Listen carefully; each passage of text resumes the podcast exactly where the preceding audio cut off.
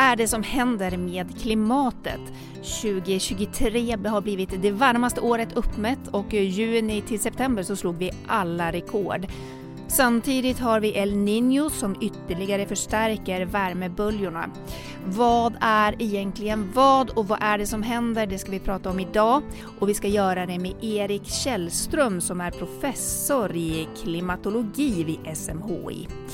Hej Erik och välkommen till Klimatekot. Tack så mycket. Du är professor i klimatologi och har på nära hand följt hur klimatet förändras. Hur är det att ha det jobbet mitt i en klimatkris? Ja, det är ju, en, det är ju spännande kan man ju säga. Det, är, det som är roligt och bra med det är ju att det finns ett väldigt stort intresse för frågan så att man känner att man arbetar med någonting som är, är viktigt och, och känns meningsfullt. Så att jag känner en väldigt liksom tillfredsställelse i den delen av jobbet att kunna ta fram information om klimatförändringarna och hur det kan påverka samhället och naturmiljön och sånt. Så det tycker jag är jätteviktigt. Sen är det ju samtidigt så att eh, som klimatforskare så har man ju pratat om de här problemen i, i, liksom i 20 år eller mer än det och så tycker man kanske att det går lite långsamt då i klimatförhandlingar och i klimatarbetet. Så det är ju också samtidigt frustrerande. Och sen på ett liksom personligt plan så är det klart att man är, eller jag är i alla fall, orolig för framtiden för ja, kommande generationer, mina barn och deras barn och så vidare, det kommer, de, de kommer att leva i en värld som i vissa avseenden är, är, kan ha väldigt stora problem framöver kan man se det som, som är kopplade just till klimatförändringarna. Mm. Och vilka problem tänker du på då? då? Ja, men jag tänker mycket på eh, problemen. Dels, alltså dels, det, det, själva värmen i sig och ökad värme kommer ju leda till allt mer besvärliga värmeböljor på många ställen. Så att i, i många länder och på många platser kommer det vara svårt med rena värmen i sig. Eh, men sen är det väl framförallt egentligen de riktigt stora problemen är ju kopplade till vattenfrågorna och, och dricksvattenförsörjningen är väl det absolut största problemet i samband med klimatförändringen och det är ju väldigt många människor runt om i världen som, som kommer att drabba, som redan idag drabbas av detta kan man säga och, och, det är någonting som vi ser blir värre. Och sen utöver det så har vi då också påverkan på havsnivå förstås som, som påverkar folk i alla kusttrakter och sånt. Så att eh, alla de där sakerna kombinerat påverkar ju jordens befolkning väldigt mycket. Sen är det klart att alla människor överallt påverkas inte lika mycket men, men eh, man ser också framför sig då ja, stora vad ska man säga, slitningar och problem och, och liksom politiska problem i världen och risk för att det här kan spä på när det gäller konflikter till exempel och sånt. Och utöver detta så har vi då den stora påverkan på naturmiljön och där tycker jag det är väldigt, väldigt otäckt att se då hur den biologiska mångfalden som, som redan är hotad på grund av annat som vi håller på med, mycket av de där hoten förstärks och blir en, ännu värre då till följd av liksom klimatförändringen också. Mm. Det där har vi pratat ganska mycket om i Klimatekot, just alla de här målkonflikterna som finns mellan biologisk mångfald och klimat eh, i hur vi ska kunna rädda båda. Hur tänker du kring det?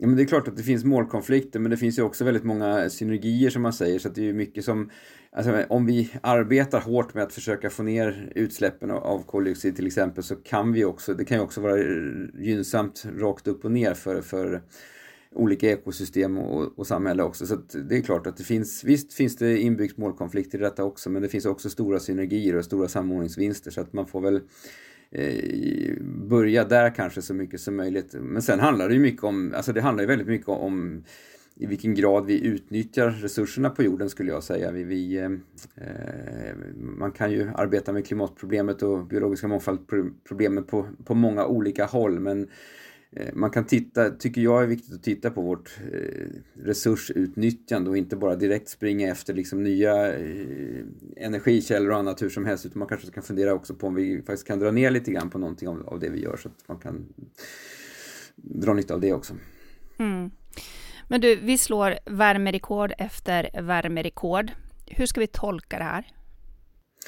Ja, alltså jag, jag är inte sådär jätteförvånad egentligen, lite som jag sa innan också. Vi har ju pratat om det här nu i, i väldigt lång tid. Klimatförändringen så som den ser ut är ju någonting som våra liksom, idéer om hur klimatsystemet fungerar, eh, det, det, beskriver det här på ett ganska bra sätt skulle jag säga och, och vi gör också och har gjort länge då simuleringar av klimatet givet framtida utsläpp av koldioxid och sånt. Och de här simuleringarna som, som gjordes redan på kanske 80-talet och så vidare, de visar ju ungefär på detta kan man säga. Sen lite olika grad och vilka modeller man använder och sånt, men alltså att det ska bli varmare och, och att att vi därigenom kommer att se allt fler värmerekord och så vidare. Det är ingenting som är på något sätt oväntat. Så, så, det, så det, kan, det, finns ju liksom den här grundläggande, underliggande globala långsiktiga uppvärmningen som är orsaken till det här kan man säga.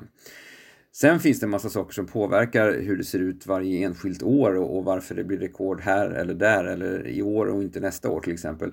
Och då beror det på, på en rad olika faktorer men bland annat så finns det ju faktiskt en, en ganska stor naturlig variabilitet i vårt klimat. Det är ju, vi har ju alltså alltid, det har ju alltid varit så att det har varit år, år och säsonger och månader och dagar som är varmare än andra och, och motsvarande de som är kallare än andra säsonger till exempel.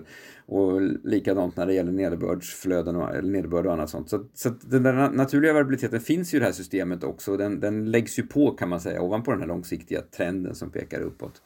Och till exempel nu då specifikt i år så har vi ju då kommit in i en, en fas i någonting det man kallar för en El Niño situation. Och det här är, är, är någonting som då beskriver förhållanden över eh, Stilla havet eh, och, eh, och, då, och då är det ju Eh, alltså under El Niño-år som vi är på väg in i nu då, så, så blir det varmt i väldigt stora områden över, över Stilla havet och, och det gör ju då att eh, den, till och med den globala medeltemperaturen ökar sådana år. Så att sådana år är alltid varmare än, eh, än eh, andra år eller, eller motsatsen som då heter La Niña-år som det är lite svalare än, än, eh, än andra år kan man säga. Hur ofta kommer de variationerna då?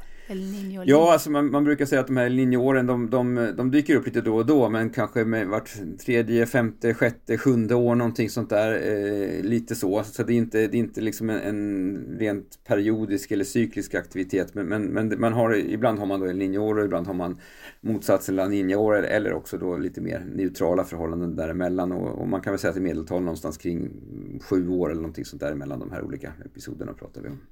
Men kan man se att de förstärks på något sätt eh, på grund av att eh, klimatet generellt blir varmare?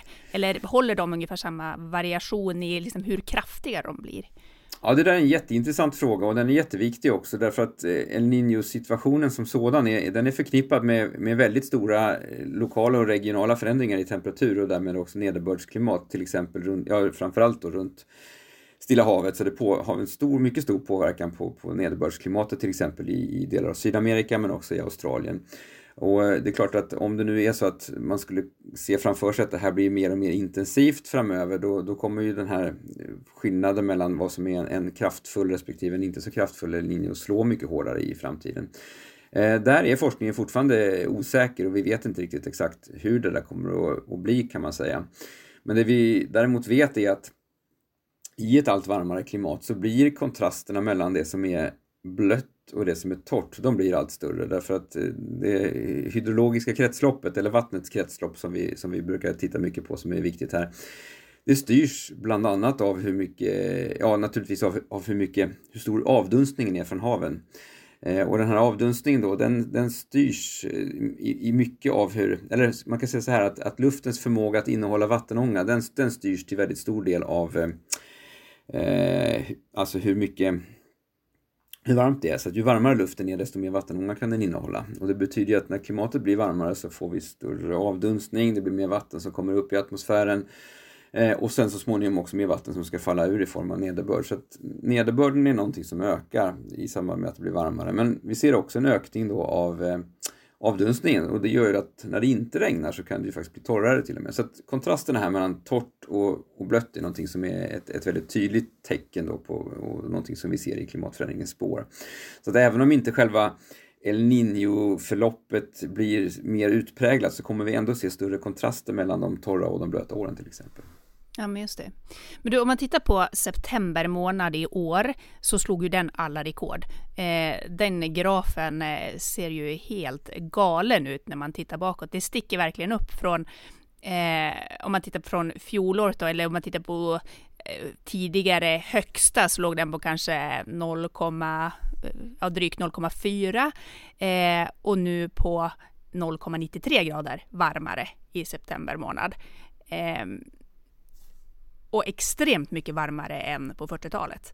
Alltså hur ska vi tolka det att september, är det bara just El Niño? För jag tänker det har varit många El Niño-år sedan 40-talet och nu har det bara stuckit iväg.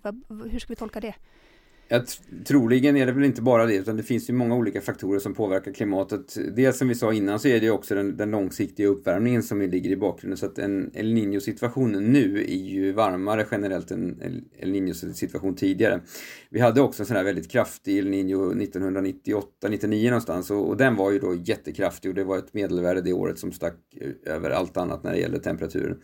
Men det året, om vi tittar tillbaka på det idag, så är det inte alls särskilt varmt jämfört med de åren som vi ser nu. Så där ser vi liksom hur den här underliggande långsiktiga uppvärmningen påverkar situationen. Så att, så att även om vi har ett, så att säga ett, ett linjeår idag är betydligt mycket varmare än ett tidigare. Så, det, så det, det bidrar ju naturligtvis till det här.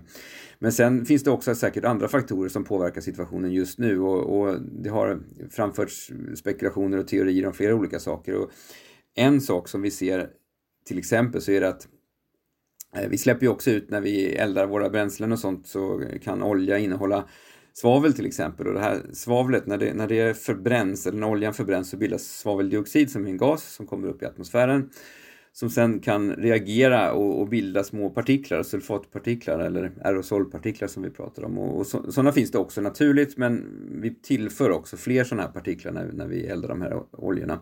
Och de har egenskapen att de, de, de reflekterar solljus tillbaka ut mot rymden igen så de har alltså en lite kylande effekt de här partiklarna.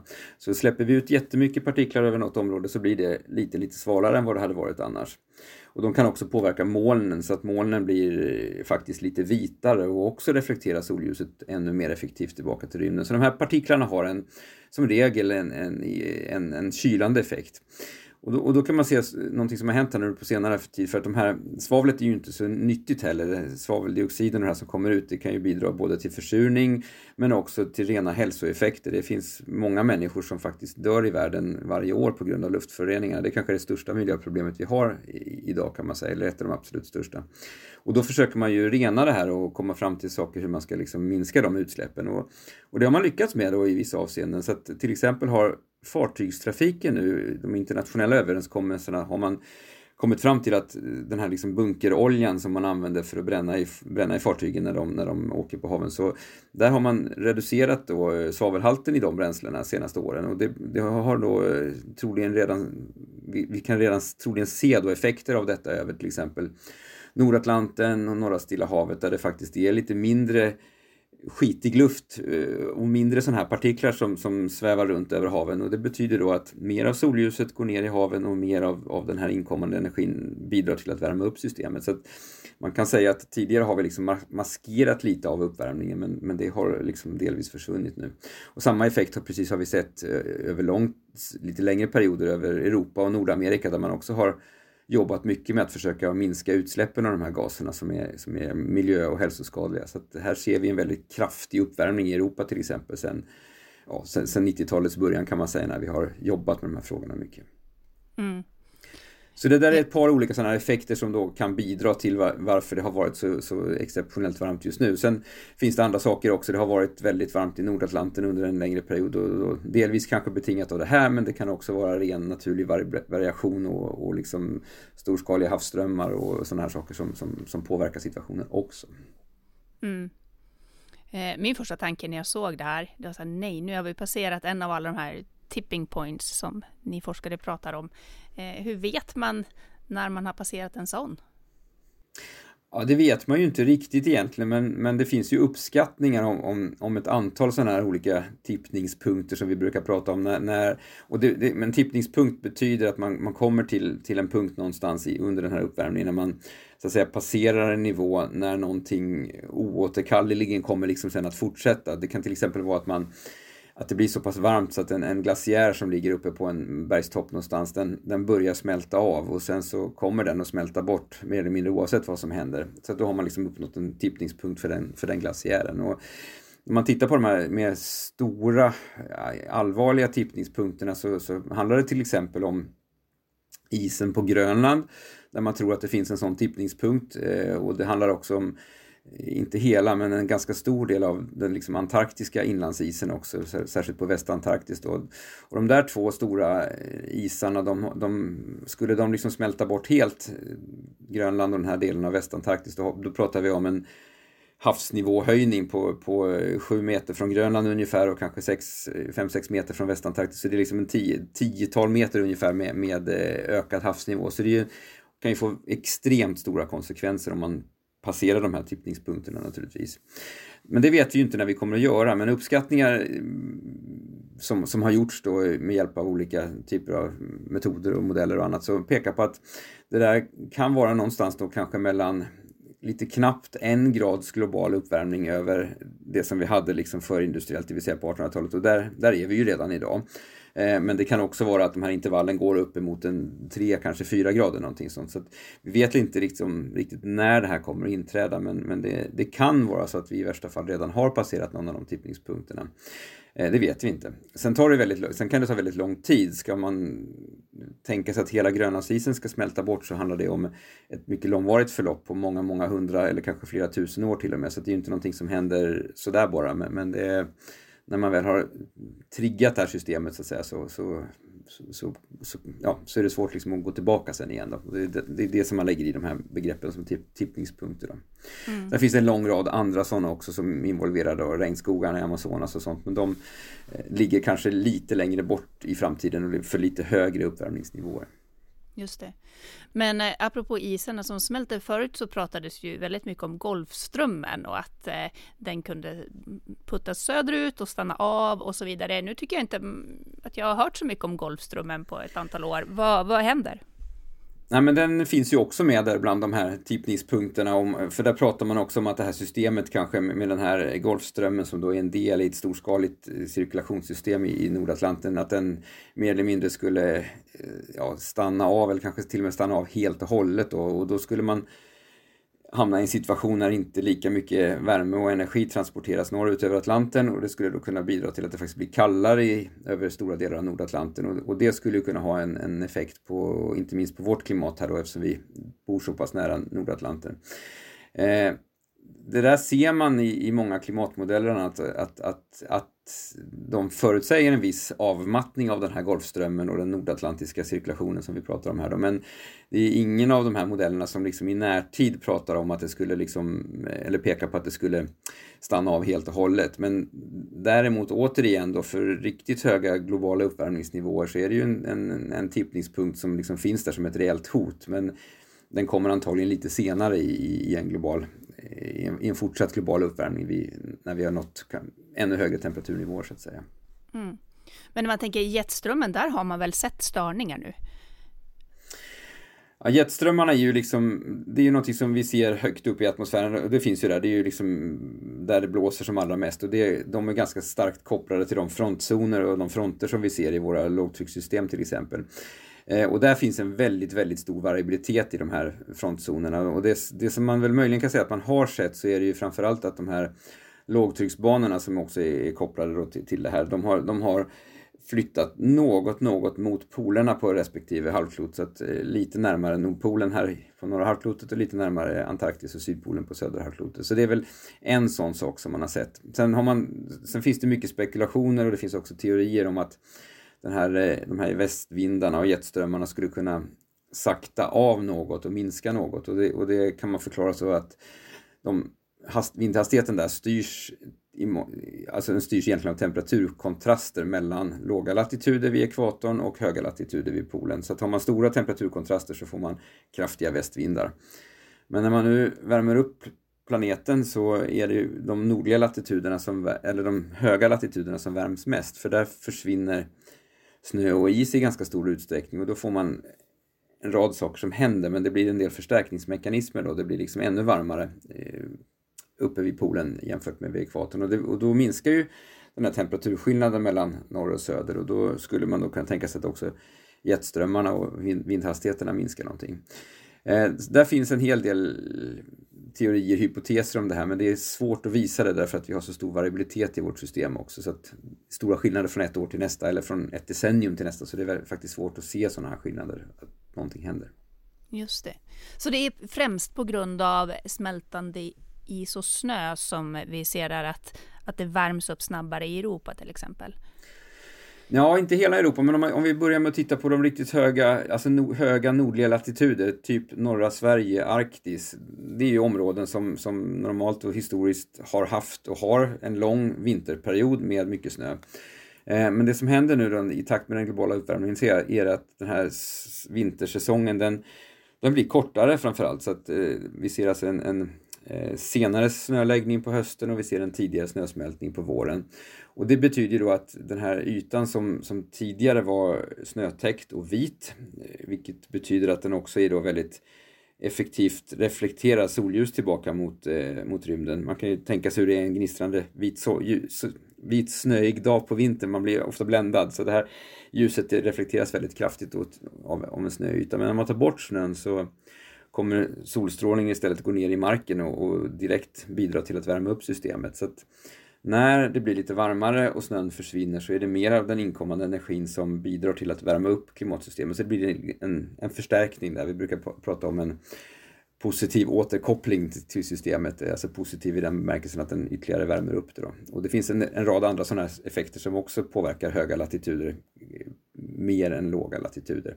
Så där, därav har vi den absolut största temperaturförändringen uppe i Arktis och då är ju också norra Sverige en, en del kan man säga av det där området. Så där ser vi en mycket större förändring. Sen när det gäller Europa i övrigt och, och södra Europa så ser vi också en stor, stor och mycket stor uppvärmning på sommarhalvåret och då handlar det mer om att vi har inte så mycket markfukt och fuktighet kvar längre, det torkar ut väldigt kraftigt och, och när man då får ett väldigt, en väldigt torr situation på sommaren så eh, om det då inte finns något vatten kvar i marken som kan avdunsta och hålla nere temperaturen så kan ju temperaturen skena iväg och, och stiga än, än mer då så att säga. Så att vi ser lite olika effekter i norr och söder kan man säga. Mm.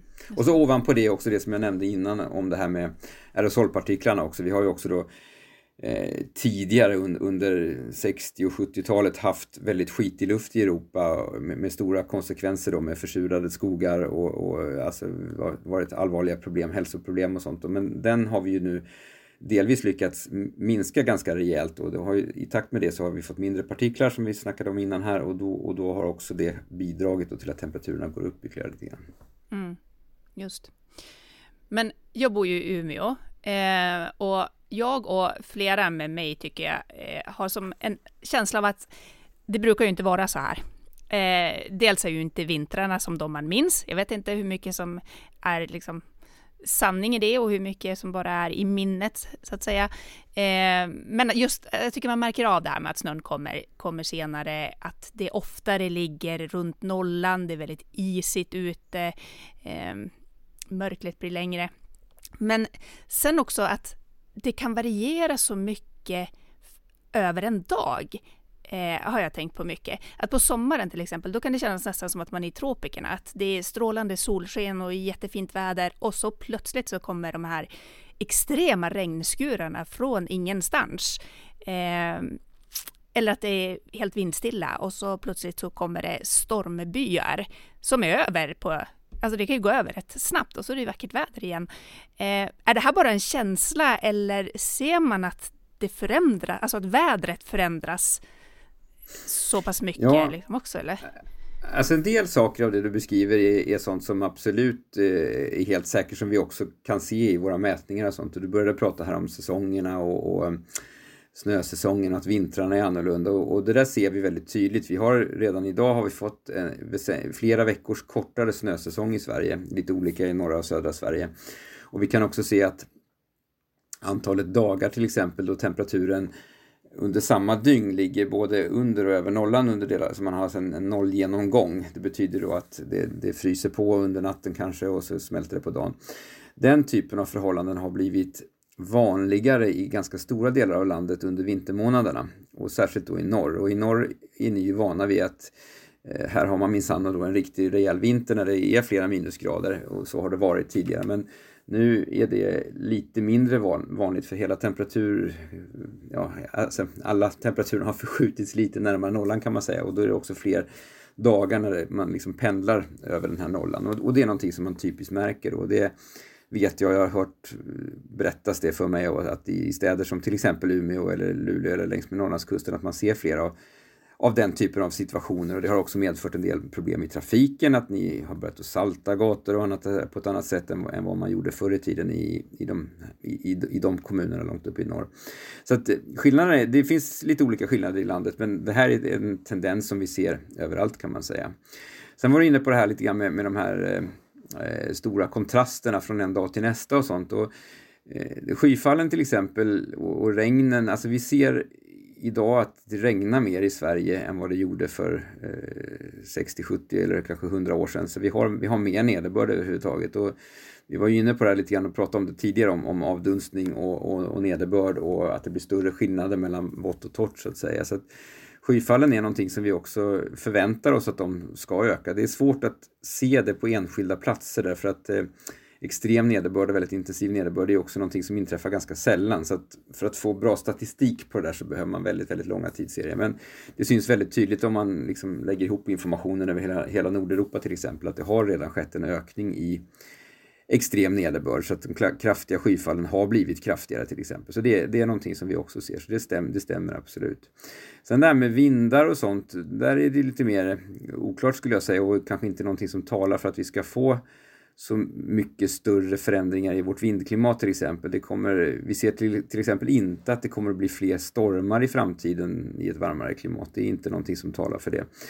Eh, däremot möjligen att de mest intensiva stormarna kanske kan komma att bli eh, något mer intensiva därför att det finns mer energi i systemet. Både det är varmare men det kan också ta upp mer vattenånga och den här vattenångan avger, eller bidrar också till att ge energi åt de här systemen.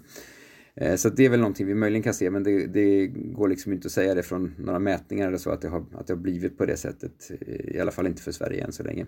Och sen när det gäller då, eh, sen kan man väl möjligen tänka det här med vindbyar och annat då, att i samband med de här allra kraftigaste skyfallen och åskskurarna som vi ser på sommaren eh, när och det är någonting som vi förväntar oss att de här skurarna, åskskurarna kan komma att bli mer intensiva därför att vi har mer energi i systemet. De, de är ju också ofta förknippade då med, med kraftiga vindar, alltså lokala vindar, fallvindar, det kommer ut kall luft framför oss och sånt. Och där är det klart att om, om systemen blir mer, mer intensiva och kraftigare så kan vi vänta oss att även den typen av vindbyar och kanske till och med små tromber och sånt där kommer att kunna bli vanligare då. Men också nederbörden i samband med de här systemen. Kraftiga skurar, mer hagel till exempel och, och kanske och möjligen också en större risk för åska då. Om man tar haven då? De har ju också blivit varmare såklart. Eh, hur mycket varmare har haven blivit? Har du någon siffra på det?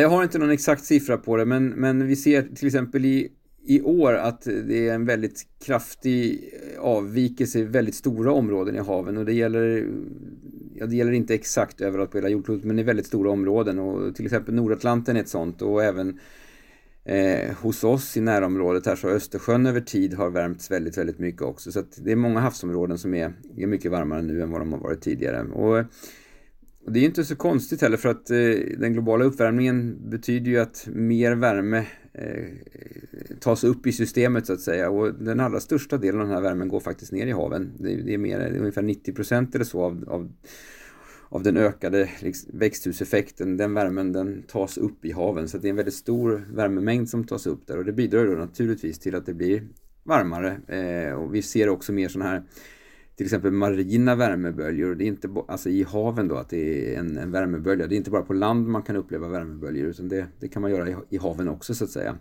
Och det är någonting som har, har blivit väsentligt mycket vanligare på, på de flesta platserna och, och någonting som observeras. Och det kan ju ha väldigt stor påverkan då för de marina ekosystemen där fiskar och, och, och olika växter och plankton och sånt är, är beroende av olika temperatur, salthaltsförhållanden, olika densitetsförhållanden i haven och sådär. Och det, allt det där påverkas ju då av, av, den, av den här ökade värmen kan man säga. Mm, just det. Eh, men jag tänker så här, de allra flesta som, eh, som accepterar klimatforskningen eh, har nog förstått att det är bråttom. Samtidigt ser vi som hur klimatmålen skjuts på framtiden. Ehm, hur bråttom skulle du säga att det är? Jag tycker att det är, det, är, det är viktigt att diskutera den frågan noga, för det är bråttom kan man ju säga och det är därför som vi har under lång tid arbetat med det här och man har arbetat med det internationellt. Vi har haft och vi har fått också stora internationella avtal som till exempel eh, Parisavtalet och den överenskommelse som man kom fram till då att man ska försöka hålla den globala uppvärmningen till under två grader och gärna helst lägre ner mot en och en halv grad om det, om det är möjligt. Så det är ett jätteviktigt liksom ramverk som vi har där och någonting som de flesta länderna har så att säga förbundit sig att, att jobba mot. Det som har hänt sen är att eh, Sen, sen det skrevs då, om det var 2015 eller 16, jag minns inte året exakt, men det har ju gått ett antal år så det har ju blivit ytterligare lite varmare. Och det är ju inte så att klimatförändringen går fortare än vad vi sa då, så den, den, följer ju så att säga ungefär det förloppet som vi hade väntat oss. Så problemet är ju det att vi har ju fortfarande väldigt, väldigt stora utsläpp av framförallt koldioxid och, och växthusgaser som bidrar till att fortsätter, att alltså, den här uppvärmningen fortsätter och den, den, minskar inte i den takten som vi, som vi kanske hade hoppats. Och sen kan man också säga det som är lite alarmerande i det här sammanhanget är ju att under tiden så har man ju också gjort mer forskning och tittat på effekterna av klimatförändringen och, och det slogs ju fast väldigt, väldigt tydligt i den senaste IPCC-rapporten där sammanfattningen kom här i våras då, men, men särskilt den, den delen då som, som handlar om effekter av, av klimatförändring och där ser man ju då att de här riskerna man ser som är förknippade med den globala uppvärmningen. Och det handlar nu både om, om, om människan och samhället men det handlar också om naturmiljön.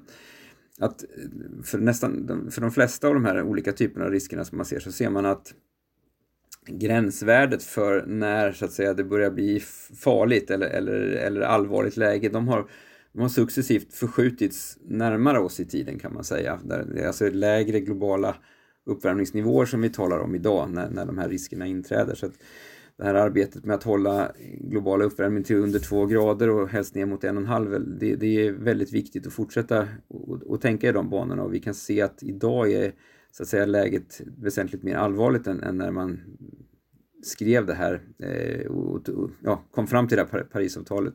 Sen är det å andra sidan mycket som har hänt. Vi har fått bättre teknik och det är billigare idag att, att producera förnyelsebar energi till exempel och sådana saker. Så det finns ju många saker som är positiva också, så det får man inte glömma bort här. Men det gäller ju att jobba hårt mot de här klimatmålen och framförallt inte glömma bort att, vi, att det är bråttom att redan nu börja minska så kraftigt som möjligt. Så vi kan inte bara vänta till mitten på seklet och göra någonting för då har vi nått så pass höga nivåer så att flera av de här riskerna jag pratar om, vi har kommit dit så att säga. Just det. Vad har du för förväntningar nu då på COP28? Nej, men inför, inför det här nästa COP-möte så tänker jag, jag hoppas verkligen att man kommer fram till eh, mer åtaganden, långtgående åtaganden om att, att, att verkligen snabbt försöka minska utsläppen framöver och att, att, man, eh, att man jobbar med den biten. Men sen handlar det också om att titta på hur klimatanpassning kan, kan göras och att man också ser till att Eh, Eh, länder i olika delar av världen med olika förutsättningar stöttar varandra så mycket som möjligt i den processen. För det, det klimatproblemet så att säga, det finns redan där. Det är många som redan idag drabbas och det kommer att kosta väldigt mycket pengar att anpassa samhällena för de här framtida förändringarna som är, ändå är oundvikliga också. Så det måste vi också arbeta med, tänker jag. Mm. Avslutningsvis då, vad, du var inne lite grann på det i början, men hur ser du på framtiden? Ja, men jag ser just på den så tillvida att det finns bra metoder, möjligheter och saker att göra och det är väldigt angeläget att arbeta med det. Sen är jag samtidigt lite, inte lite, jag är också orolig för framtiden för att eh, de här effekterna som vi ser av klimatförändringarna, de är, de är allvarliga och de ligger nära i tiden. Det, är inte, det här är inte något spöke långt in i framtiden utan det är någonting som vi har här och nu kan man säga. Mm. Erik, stort tack för att du var med i Klimatekot. Tack så mycket. Tack också till dig som har lyssnat. Jag heter Elin Leonberg och Klimatekot det görs i samarbete med Energi och klimatrådgivningen på Umeå kommun.